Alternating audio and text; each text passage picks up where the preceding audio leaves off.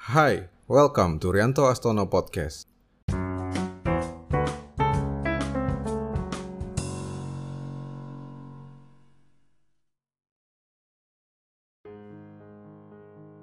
Seorang teman pernah bertanya, "Saya ingin menjadi seorang investor saham. Apa yang harus saya lakukan?" Jawaban saya, siapkan kapital atau modal, lakukan analisa, disiplin, dan sabar. "E, bukan itu, katanya.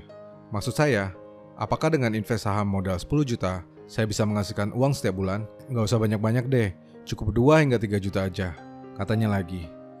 Apa katamu? Invest. Cuma 2-3 juta sebulan bermodal 10 juta. Sebentar-sebentar. Mungkin ada yang perlu diperbaiki, kata saya.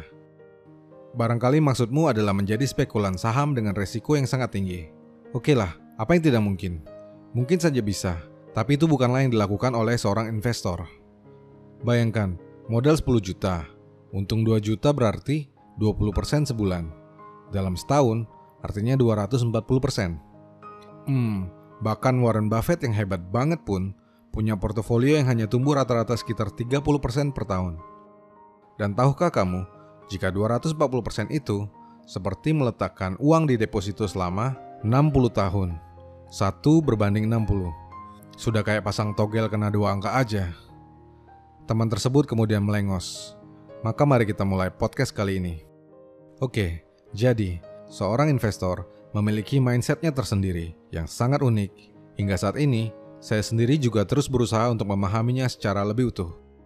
Tapi jika ditanyakan apa karakter terkuat sekaligus kata kerja yang menjadi top of mind dari seorang investor, maka jawabannya adalah sabar. Titik. Inilah yang kemudian jadi tantangan tersendiri bagi pengusaha bagi seorang pegawai, sabar itu butuh perjuangan. Namun sayangnya, mindset seorang investor berbeda jauh dibandingkan dengan pengusaha atau pegawai. Bagi anak muda atau yang berjiwa muda, tentu akan lebih sulit lagi. Sebab kita sudah terkontaminasi begitu jauh dengan sesuatu yang instan, cepat, praktis, di mana seluruhnya adalah kebalikan dari sabar. Belum lagi dengan kerusakan mindset dan otak kita dengan investasi-investasi bodong. Saya mengenal banyak sekali orang yang tidak mau mengambil resiko berinvestasi, misalnya di market saham, dengan alasan tidak paham, malas belajar, terlalu lamban, dan tidak pasti. Mereka lebih memilih sesuatu yang pasti, seperti deposito. Tapi karena bunga deposito terlalu kecil, mereka akhirnya lebih tergiur dengan imbal balik yang nilainya pasti, namun kadang tidak masuk akal, sehingga bukan hanya pasti bunganya, tapi juga pasti lenyap di gondol maling. Dan jika seandainya pun untung, itu cuma karena mujur, dan sudah pasti berasal dari kemalangan orang lain yang dirugikan. Namun uang cuma uang. Berinvestasi bodong memberikan efek buruk yang merusak otak dan merusak mindset secara ekstrim sumur hidup. Di podcast ini, saya akan menguraikan mindset seorang investor, sebuah pelajaran bagi teman-teman sekaligus bagi diri saya sendiri untuk mengakumulasi kekayaan dan hidup lebih bahagia. Pertama, tujuan dari investasi bukan untuk kaya raya, apalagi kaya mendadak. Jika aset yang terkumpul nantinya menjadi banyak, itu hanyalah bonus dari pilihan yang tepat dan buah dari kesabaran. Investasi dilakukan untuk mencapai goal-goal yang kita inginkan. Buat saya itu adalah seperti biaya kuliah dua anak saya di luar negeri, uang untuk masa tua, dan uang untuk bersenang-senang yang betul-betul memuaskan. Bagi saya pribadi, menjadi investor lebih untuk mengasah analisa bisnis, melatih kesabaran, disiplin, komitmen, update perkembangan zaman, hidup praktis dan hemat, mengelola keuangan dengan baik, menjadi minimalis, hidup sederhana, simple, dan bahagia. Juga agar saya bisa hidup sesuai dengan style yang saya mau, tanpa diperintah oleh orang lain, tanpa dikejar-kejar oleh orang lain, dan yang paling penting punya waktu luang yang sangat banyak bagi keluarga, orang-orang yang saya cintai, kapan saja, dan berapa saja waktu yang diinginkan.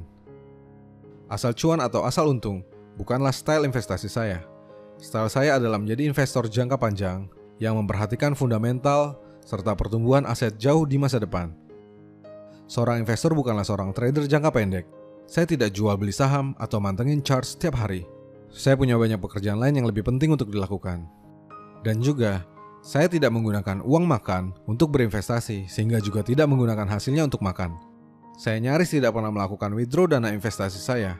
Justru saya menambahnya terus-menerus apa yang sudah masuk dalam portofolio saya tidak akan keluar sampai goalnya tercapai. Saya mengetahui ada banyak orang yang melakukan trading for living, dan karena alasan itulah, biasanya aset investasi mereka tidak terakumulasi karena selalu diambil dan diambil. Saya tidak begitu. Jikapun harus mengambil, maka dividenlah yang akan saya ambil. Tapi toh saya juga tidak mengambilnya, melainkan menggunakannya untuk membeli lebih banyak saham atau aset investasi yang lain. Dan tentu saja, sekali lagi, mindset terpenting dari seorang investor adalah sabar. Waktu adalah kuncinya.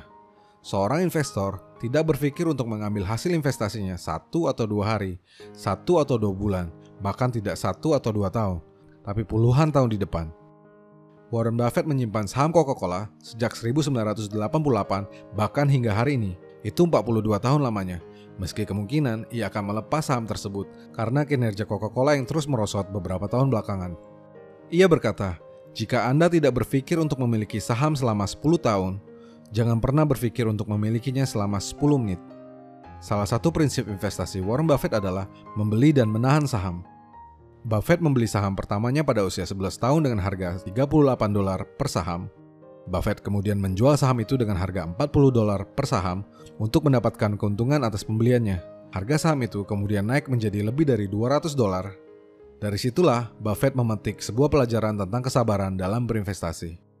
Kita harus memperbaiki dan mendapatkan mindset ini terlebih dahulu sebelum memulainya. So, untuk menjadi seorang investor yang betul-betul investor, sabar dan tidak ngoyo adalah kuncinya. Jangan cuma mikirin cuan dan untung, apalagi mikir jadi konglomerat besok, bulan depan, tahun depan, atau bahkan 10 tahun lagi. Hasil investasimu adalah sesuatu yang digunakan untuk mencapai goalmu. Menjadi kaya hanya buah dari kesabaran. Seorang investor tetap hidup sederhana. Sisihkan nilai yang kamu bisa berikan setiap bulan dan disiplin untuk meletakkannya dalam investasi. Lama-kelamaan, kamu akan terbiasa dan mulai melihat gambaran besarnya. Jika nilai yang kamu sisihkan terlalu sedikit, berarti penghasilanmu yang perlu ditambah.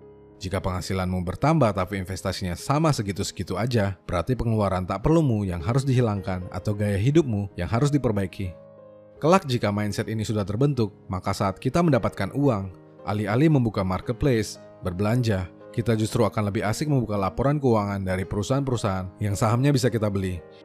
Saya membagikan ini untuk kesekian kalinya berdasarkan pengalaman saya sendiri di mana saya sudah mulai menghasilkan uang yang cukup banyak sejak usia 21 tahun, tapi karena tak pernah ada yang memberitahu tentang investasi, tidak ada yang pernah memberikan mindset investasi kepada saya, maka selama bertahun-tahun, uang yang saya dapat hilang begitu saja seperti hantu. Saya ingin pengalaman serupa ini tidak dialami oleh orang lain, terutama teman-teman yang mendengarkan podcast ini. Sebagai penutup, saya ingin memberitahu jika saya telah membuat sebuah channel Telegram khusus untuk membahas tentang investasi. Silakan join gratis, link ada di deskripsi. Semoga bermanfaat.